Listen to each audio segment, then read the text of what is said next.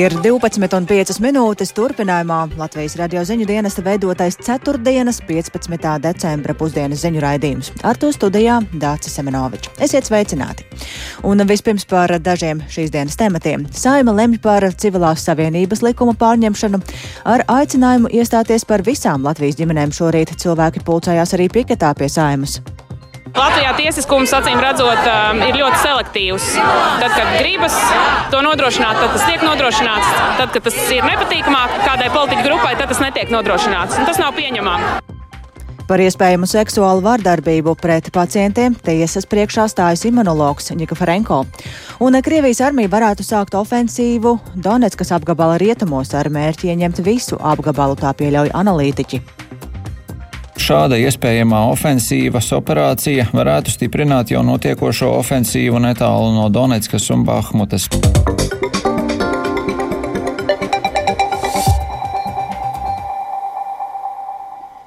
Šodien pie saimas vairāki desmiti sanākušo saucot Sargāsim visas ģimenes, aicināja deputātus turpināt 13. 13. saimas sākto darbu ar civilās savienības likuma projektu, kas paredz juridiski reģistrēt divu pilngadīgu personu kopdzīvi, un tas attiektos arī uz vienzimumu pāriem. Piekatētājiem pievienojās arī partijas progresīvie deputāti, kas likuma projektu atkārtot iesniedza saimā, un šobrīd par to Lēma saima, pat labāk debatas turpinās, taču šobrīd turpinājumā Lindas Spundiņas ieraksts no Piketa. Sargāsim visas ģimenes! Sargāsim visas ģimenes! Vairāki desmiti sanākušo bruņojušies plakātiem skandēja skaļus saukļus, aicinot saimnes deputātus aizstāvēt visas ģimenes. Nu, uz manas plakāta ir rakstīts, nespējam noticēt, ka mums joprojām ir jāiet ielās, lai pieprasītu pamatiesību aizsardzību. Gadi rit, nekas nemainās. Esam cīnījušies tiesu zālēs. Ir ļoti bēdīgi apzināties to, ka Latvijā tiesiskums, acīm redzot, ir ļoti selektīvs. Tad, kad gribas to nodrošināt, tad tas tiek nodrošināts. Tad, kad tas ir nepatīkamāk, tad tas nu, kādai, kādai politiķu grupai tas netiek nodrošināts. Un tas nav pieņemami. Uz plakāta man ir rakstīts, ka uh, valdība raud, ka cilvēki brauc no valsts, bet uh, vienalga cilvēkiem nedod tiesības, ko viņi pieprasa. Un pēc tam ir pārsteigumā, ka cilvēki brauc prom.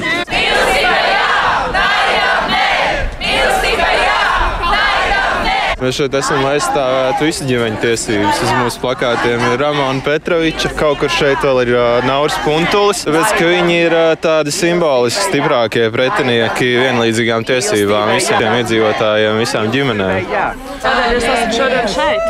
Tāpēc, ka es uzskatu, ka visām ģimenēm ir jābūt aizsargātām neatkarīgi no dzimuma, no seksualitātes, neatkarīgi no dzīves stāsta. Mums vienkārši visiem ir jābūt kopā, tāpēc, ka tā ir nu, kā kopā būšana tikai tad var palikt labāk, ka mēs neesam sašķelti. Un, un kā, kāpēc lai vairākums baidītos par kādām mazākumu tiesībām? Jā, tās vienkārši ir tā rokas pasniegšana. Es par visām ģimenēm. Es vienkārši nesaprotu, kā mēs varam ar kādām tiesībām, kāds var aizliegt cilvēkiem dzīvot tādiem pašiem kā mums, pēc tiem pašiem noteikumiem.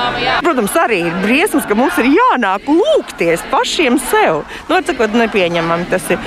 Civilām savienībām, jā. Par civilām savienībām! Par civilām savienībām! Par civilām savienībām! Tiekamies nākamajā piketā! Linda Spundiņa, Latvijas radio. Un jāteic, ka jau vairāk nekā stundu saimā turpinās deputātu debatas vai turpināt darbu pie civilās savienības likuma projekta šajā sasaukumā, taču lēmuma vēl nav. Tam turpināsim sekot līdzi un vēstīt turpmākajos ziņu izlaidumos, taču ir diezgan skaidrs, ka saima turpinās izstrādāt iepriekšējā sasaukumā neizskatīto valsts aizsardzības dienesta likumu un ar to saistītos likuma projektus. Tajā paredzēts iestrādāt papildu principus jauniešu izraudzīšanai aizsardzības dienestā. Pirmais iesaukums varētu būt nākamā nākamā gada vasarā. Vairāk par to visu Jāņa Kīņš ierakstā. Valsts aizsardzības dienesta likuma projekts paredz, ka dienestā iesauks vīriešus vecumā no 18 līdz 27 gadiem. Dienesta obligātā kārtā plānots noteikti tiem pilsoņiem, kuri dzimuši pēc 2004. gada 1. janvāra. Paredzēts arī noteikt, ka aktīvo dienestu varēs saistāt ar civilo dienestu, piemēram, zemesardzi, speciālā likumā noteiktā kārtībā, un varēs lemt arī par neiesaukšanu dienestā. Vīrieši un sievietes vecumā no 18 līdz 27 gadiem dienestu varētu uzsākt arī brīvprātīgi. Jauninājums, ko paredzēts iestrādāt likumā, ir iesaucamo izlauzes princips gadījumiem, ja brīvprātīgi pieteiksies pārāk maz iesaucamo. To šonadēļ saimā izklāstīja aizsardzības ministrijas valsts sekretārs Jānis Garisons. Līdz brīdim, kamēr uh, iesaukums nekļūst vispārīgs, organizējot izsoli no tiem, kas uh, vai nu ir sasnieguši 18 gadus un nemācās tajā brīdī, vai arī attiecīgi, kas uh, beiguši vidējās vai profesionālās vidējās izglītības iestādes.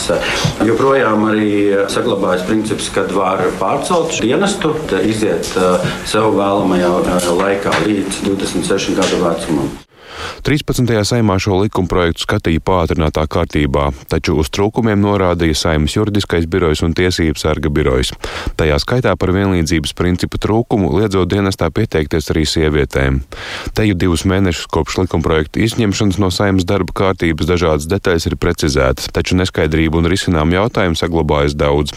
Turpina Saimas aizsardzības iekšlietu un korupcijas novēršanas komisijas vadītājs Raimons Bergmans no apvienotā saraksta. Lai to labāk izprastu, es esmu uzrunājis, eh, lai komisija dodas uz Ādažiem, kur mēs arī varēsim pārunāt ar bruņoto spēku vadību un iesaistītajām personām šī likuma projekta realizēšanā, jo, kā ir norādīts, pirmā vieta, kur tas tiks realizēts, būs tieši Ādažos, Sauszemes spēku brigādē. Daudz jautājumu ir, par kuriem spriedīsim, un, un te pašā laikā arī jautājums, piemēram, par augstskolā studējošiem jauniešiem. Līdz ar to tur jautājumu vēl ir daudz. Strādāsim. Šonadēļ arī izskanējis, ka pirmajā iesaukumā valsts aizsardzības dienestā jau nākamā gada vasarā varētu būt 300 jauniešu. Šis skaitlis atšķiras no iepriekš Ādažu bāzē dzirdētā stāsta Bergmanis. Tajā reizē Sauszemes spēku brigādes komandieris eh, Gaugerkungs eh, mūs informēja, ka tā kapacitāte ir eh, divi iesaukumi gadā pa 200 cilvēkiem. Nu, šajā reizē izskanēja 300. Nu, jautāsim, vai tiešām tas arī nu, var to realizēt. Tas galvenais arguments, kāpēc tika saukts šādi skaitļi iepriekšējā reizē, par to, lai mēs nezaudētu savu profesionālo vienību kaujas spējas. Jā, tad no kaut kurienes jau šie instruktori ir jāņem, kas veiks šo apmācību. Turpmākajos mēnešos ar valsts aizsardzības dienesta izveidi saistītos likumprojektus izstrādās bez steigas, trīs lasījumos. Lai pirmo iesaukumu dienestā organizētu jau vasarā, likumprojektus jāpagūst pieņemt un izsludināt līdz aprīlim. Jānis Kincis, Latvijas Radio.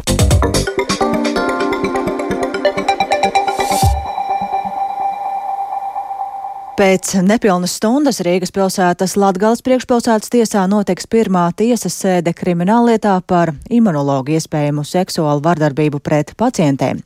Tiesas priekšā stāsies Jevgēnijas Nikaferenko, kura iespējamos pārkāpumus sabiedrībā izgaismoja Latvijas radio stāstu sērijā vajadzēs noģērbties. Vairākas ārsta pacientas atklāja, ka imunologs esot veicis ginekoloģiskus izmeklējumus, kas viņa specialitātei nav atbilstoši. Krimināllietā par cietušajām atzītas piecas sievietes un plašāk Lindas Spundiņas ierakstā. Februāra beigās policija aizturēja imunologu Jevgeniju Nikaferenko. Viņš apsūdzēts par seksuālu raksturu darbībām nolūkā apmierināt savu dzimumu tieksmi fiziskā saskarē ar cietušās ķermeni, ja tās izdarītas pret cietušās gribu, izmantojot uzticību un lietojot vardarbību, kā arī par dzimumtieksmes apmierināšanu pretdabiskā veidā, kas saistīta ar vaginālu iekļūšanu cietušās ķermenī pret cietušās gribu, izmantojot uzticību. Lieta tika saņemta prokuratūrā 2022. gada 20. maijā skaidro prokurora Egija Žaugre. Tātad viņš ir apsūdzēts par četru kriminālu likumu 160. pantu pirmajā daļā un trīs kriminālu likumu 160. pantu otrajā daļā paredzēto noziedzīgo nodarījumu izdarīšanu. Cietušajiem mums šobrīd ir piecas personas.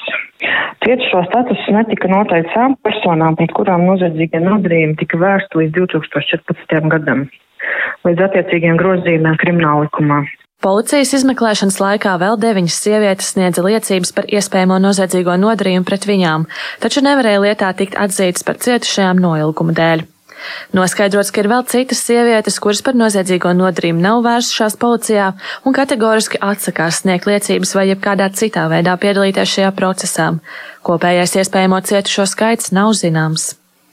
Krimināla procesā par īpaši aizsargātajām cietušajām atzītas piecas ārsta pacientes, kuras kopumā ir pieteikušas morālā kaitējuma kompensāciju 8000 eiro apmērā.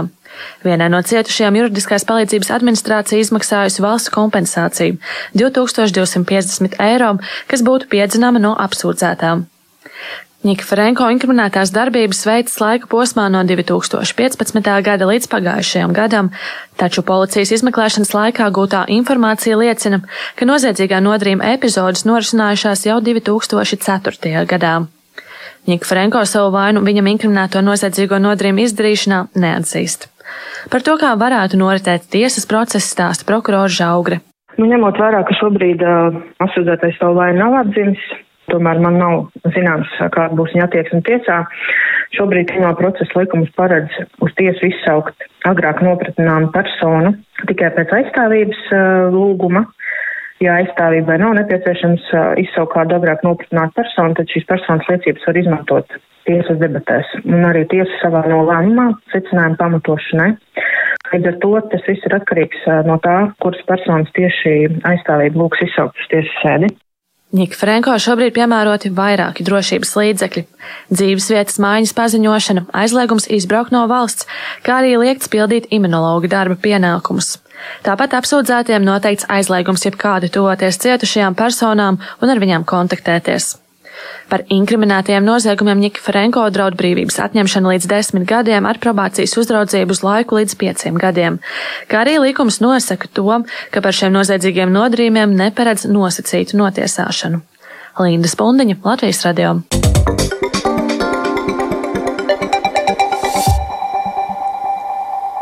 Krievijas armija varētu sākt ofensīvu Donetskas apgabala rietumos ar mērķi ieņemt visu apgabalu.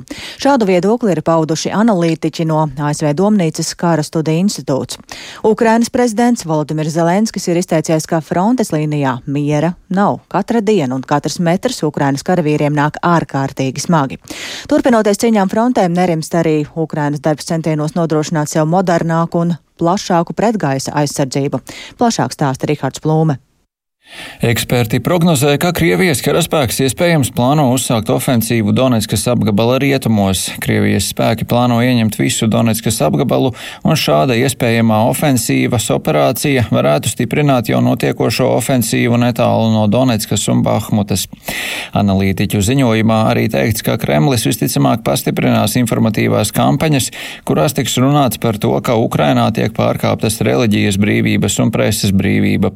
Tomēr neskatoties Neskatoties uz Krievu potenciālu, analītiķi uzskata, ka tuvāko mēnešu laikā viņiem neizdosies ieņemt strateģiski svarīgu teritoriju. Tikmēr Ukrainas puse prognozē, ka Krievijas karaspēks varētu uzsākt ofensīvu 2023. gada sākumā. Krievijai turpinot ofensīvu Bahmutas un Abdīvkas apkaimē, kur pārsviesti ievērojami spēki, tā cenšas gūt pārākumu ar masu, bet Ukrainas bruņotie spēki veiksmīgi notur savas pozīcijas un atvaira Krievu uzbrukumus. Ukrainas prezidents Valdimirs Zelenskis ikvakara uzrunā atzinis, ka situācija frontē joprojām ir smaga. Spokojuma na pradevī nemає. Frontē miera nav. Nav nekā viegla un vienkārša. Katra diena un katrs metrs nāk ārkārtīgi smagi. Sevišķi tur, kur visa okupantu taktika velk uz to, ka ar artēriju visu iznīcina, lai paliek tikai plikas drupas un krāteri zemē. Guļi, ruīni, ivoronki, zemlī. Zelenskis sacīja, ka Krievija Donbasā iznīcina pilsētu pēc pilsētas, tāpat kā Mariupoli, kā Volnovahu un kā Bahmutu. Aizstāvēties šādos apstākļos nav tikai varonība, tas ir kaut kas vairāk, uzsvēra prezidents. Par situāciju pie Bahmutas stāsta bruņoto spēku 24. brigādes preses pārstāvis Aleksandrs Savčenko. Серед них дуже багато ув'язнених, яких вони не шкодують. Uzbrucēju vidū ir daudz ieslodzīto. Reizēm pārtveram sarunas par to, ka viņiem teikts, ja neieņems kādas pozīcijas līdz saulrietam, viņus var iznīcināt. Tāpēc viņus dzen un dzen. Cenšas arī ieņemt Bahmutu ar taktiskiem ieročiem, jo pat tiešo viņiem nesanāk.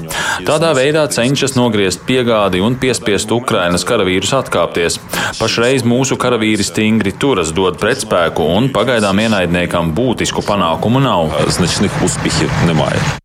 Laikraksts The New York Times savukārt raksta, ka nākamais Ukrainas bruņoto spēku mērķis ir Melitopoles atbrīvošana. Melitopole ir pazīstama kā vārti uz Krimu, jo tā atrodas divu galveno automaģistrāļu krustojumā, un tur atrodas arī svarīgas dzelzceļa līnijas. Melitopoles atbrīvošana palīdzētu atbrīvot arī Zaporīžas un Hersonas apgabalu okupētās daļas, kā arī tuvinātu Ukrainas spēkus Krīmai. Apzinoties nopietnos draudus no Krievijas raķetēm, tiek nopietni strādāts pie pretgaisa aizsardzības stiprināšanas. Zelenskis norādījis, ka šonadēļ padarīts būtisks darbs, lai to stiprinātu. Постійно посилюємо нашу протиповітряну і протидронну оборону. Mēs pastāvīgi stiprinām pretgaisa aizsardzību un pretdronu aizsardzību, un mēs darām visu, lai Ukrainai iegūtu modernākas un jaudīgākas sistēmas. Šonadēļ esam panākuši nozīmīgu progresu pretgaisa aizsardzības jautājumā. Питання щодо ППО. Zelenskis iespējams runā par telekanāla CNN vēstīto, ka ASV gatavojas paziņot par patriotu pretgaisa aizsardzības sistēmu nosūtīšanu uz Ukrainu. Šādas ziņas izsaukušas reakciju no Krievijas. Proti Krievijas vēstniecība Vašingtonā norādījusi, ja informācija par šo sistēmu nodošanu Ukrainai apstiprināsies, tad tiks piedzīvots vēl viens provokatīvs ASV administrācijas solis, kas var novest pie neparedzamām sekām. Krievijas diplomāti norādīja, ka ASV ievelk sevi arvien dziļāk karā Ukrainā un ar savu rīcību nodara milzīgus zaudējumus ne tikai Krievijas un ASV attiecībām, bet arī rada papildu riskus globālajai drošībai. Bet laikraksts The Washington Post raksta, ka ASV plāno nosūtīt Ukrainai modernu elektronisko aprīkojumu, kas nevadāmu lidmašīnu munīciju pārvērš viedbumbās. Komplektos, ko saņems Ukraina, būšot globālās pozicionēšanas ierīces, kuras var pieskrūvēt pie dažāda veida ieročiem. Rihards Plūme, Latvijas radio.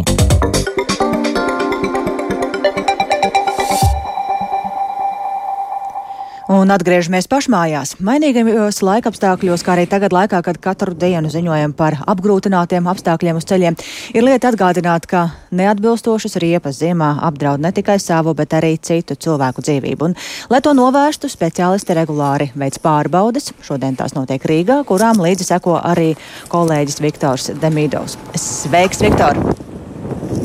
Sveika, Dārcis! Sveicināti Latvijas radio klausītāji!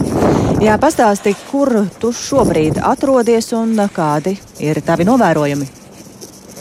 Jā, tagad es atrodos Daugaugrības ielā pie Spilves lidlauka, kur vēroju, kā ceļu satiksmes un drošības direkcijas pārstāvi kopā ar valsts policiju aptura automašīnas un pārbauda to riepas. Esam šeit jau vairāk par stundu, un šajā laikā pārbaudīti, es teiktu, ka tie varētu būt jau daži desmit mašīnu. Un trim no tām riepas neatbilda prasībām. Pēdējā gluži nu, pavisam nesen tika konstatēta, un uh, saimniecēji ir tik nodilušas riepas, ka uh, viņai atņems uh, mašīnas numuru. Tātad uh, viņa, viņai ir jāmeklē evakuators, jo satiksmē nevar piedalīties, jo tas esot bīstami, kā norādīja ceļu satiksmes drošības direkcijas pārstāvi. Uh, savukārt diviem vadītājiem atņemta atļauja piedalīties satiksmē, speciālisti viņiem piešķīra atļauju uz mēnesi, kuru laikā viņiem riepas ir jānomaina. Nu, Un jāatgādina, ka viegliem automobīļiem un spēkratiem līdz 3,5 tonnām riepu protektoru biezums ir jābūt vismaz 4 mm. Bet, Iepriekš minētajiem diviem šoferiem bija nedaudz zem, savukārt pašai pēdējai sievietei, sievietei kurai atņēma tagad uh, numurzīmi, jāšķiet, ka ir noņemta, tad uh, tur bija pavisam, pavisam maz, tur divi ar pusi, ja nemaldos, bija milimetri. Jā, un ja salīdzina šī gada statistiku ar iepriekšējā gada, tad skatoties konkrētu reģionu īpaši izmaiņu nesot. No aptuveni 250 pārbaudītām mašīnām trīs aptuveni paliek bez numura, piecas, sešas bez apskates. Un tas pats arī ir aptuveni šogad tāda statistika. Uh, bet, uh, ko atzīmē eksperti, šogad ir divreiz vairāk vadītāju, kuriem riepu protektoru biezums ir uz robežas. Un uh, kopā ar šo reisu, reidu saka paši autovadītāji, kā viņi uz to reaģē. Jā, protams, cilvēki ir to vērtē dažādi, bet ar tiem, kuriem es aprunājos, pārsvarā viss ir saprotoši. Un, uh, daži teica, ka ziemas riepas viņiem ir ļoti svarīgas, jo daudzas avārijas notiekot tāpēc, ka riepas ir nodilušas. Uh, pāris uzrunātie atzīmē, ka maina riepas katru sezonu, jo rūp viņu bērnu veselība. Uh, savukārt, aprunājoties ar CSDD pārstāvi, tad šodien vienā citā reidā bija arī tādi autovadītāji, kas pārbaudīja. Protams, viņi nevar nepiekrist, un, protams, viņi tur veids, viņi ļauj to darīt, bet, nu, vēlas arī kaut kā tur padiskutēt un, un, un iebilst teiktajam. Dace? Jā, paldies, Viktor. Mēs sazinājāmies ar Viktoru Demidovu, kurš atrodas Reidā pārbaudot riepu protektorus un atgādināsim, ka tas tiešām ir būtiski it īpaši šādos ziemas apstākļos.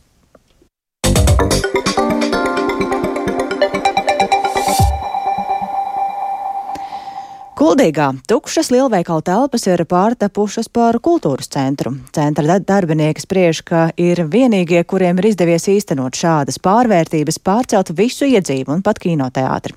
Savukārt kultūras centra māja vietā vecpilsētā šobrīd ir sākusies vērienīga un ilgi gaidīta būvniecība, tāpēc arī nācās meklēt pagaidu telpas, kur turpināt aktīvo kultūras dzīvi. Lielveikala telpas Kuldīgas kultūras centra vajadzībām īrē pašvaldība un plašāk par visu Ingas Ozols reportāžā. Šeit jau mēs esam lielajā foijē, tie ir Ziemassvētku eglīte, un es skatos arī ļoti interesants dekors, šīs te tekošās ūdens klavieres. Jā, nu tas ir, varētu teikt, mans tāds sapnis. Es biju iedomājies kādreiz, ka mums kultūras centrā būs arī ziemas dārsts. Nu, izskatās, ka jaunajā projektā mēs ziemas dārzu ielikt nevarēsim. Nu, tad mēs to savu ambīciju varbūt varam realizēt šobrīd šeit.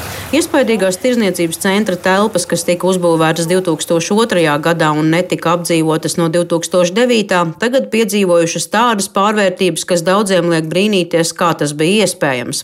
Mantu pārvešana sākusies augustā, stāsta Kuldīgas kultūras centra vadītāja Inta Burnevica. Bija jāizvāc visa, nu, teiksim, lielā zāle, mazā zāle ar visu aprīkojumu, kino zāli plus arī noliktavas, viss tas, kas atradās pagalmā, dekorācija noliktavās, katlu mājā, šķūņos un tā tālāk. Pats pirmais jau vienu lielu tirzniecības zāli sadalīt tā, lai tur būtu skatuve, aizskatuve, būtu gaitenis, būtu noliktava. Veikala vidū tagad jau lasāmi uzraksti lielā zāle un kino. Kaut arī atrodamies citā adresē, ir izdevies radīt mājīgu sajūtu lielveikala telpās.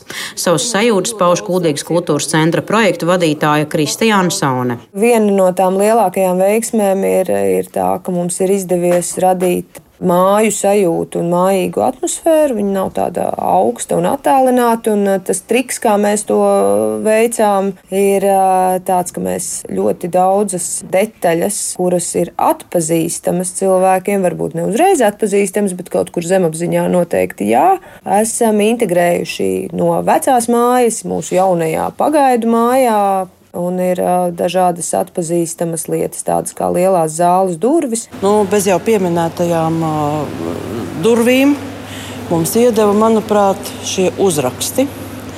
Lielā zāle pa labi, pa kreisi un kino Atvesti gan mākslinieku radītie sienu gobelēni, gan dažādi koku elementi, kas tagad integrēti jaunajās telpās. Pat kaķu tēls sēž logos un vēro piesnigušo kuldīgu.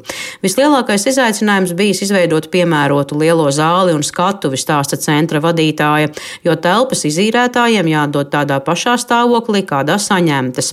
Neko būtiski mainīt nedrīkstēja. Skatuves daļai ir nepieciešami tumši griesti.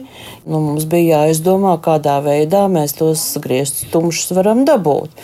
Iekārtos griestus, tātad plāksnes noceļot, nokrāsojot otru pusi. Jā apgriežot tā, lai no vienas puses būtu melnas, kā mums vajag šobrīd, bet atdodot atkal apgriežot uz otru pusi, lai tās būtu baltas, kā veikalam vajag. Uz lielveikalu atvests arī kinoteātris, kas darbu sākšot janvārī. Tikmēr procesā ir iepriekšējā kultūras centra pārtapšana. Būvniecības darbi sākās šī gada septembrī, kas paredz pārbūvēt un atjaunot trīs ēkas. Pagaidām gan pietrūkst viss nepieciešamais finansējums projekta īstenošanai. Darbus paredzēts pabeigt divu gadu laikā, aptuveni tik ilgi centra centram būs jāapdzīvo lielveikalu plašās telpas. Ingozola Latvijas radio Kurzemē. Un ar to arī izskan ziņu dienesta veidotā programma Pusdiena. Producents Viktors Pupiks ierakstus montēja Uldis Grīnbergs par labskaņu rūpējās Una Gulbe un ar jums sarunājās Dācis Semenovičs. Vēl īsi par svarīgāko. Sēmā joprojām turpinās debates vai pārņemt civilās savienības likumu. Ar aicinājumu iestāties par visām Latvijas ģimenēm šorīt cilvēki pulcējās arī piketā pie saimas. Par iespējamu seksuālo vārdarbību pret pacientiem tiesas priekšā stājas imunologs Nika Ferenko, un Krievijas armija varētu sākt ofensīvu Donetskas apgabala rietumos ar mērķi ieņemt visu apgabalu, tā pieļauj analītiķi. Mūsu ziņām var sekot līdzi arī Latvijas radio viens Facebook lapā, arī LSMLV un radierakstos.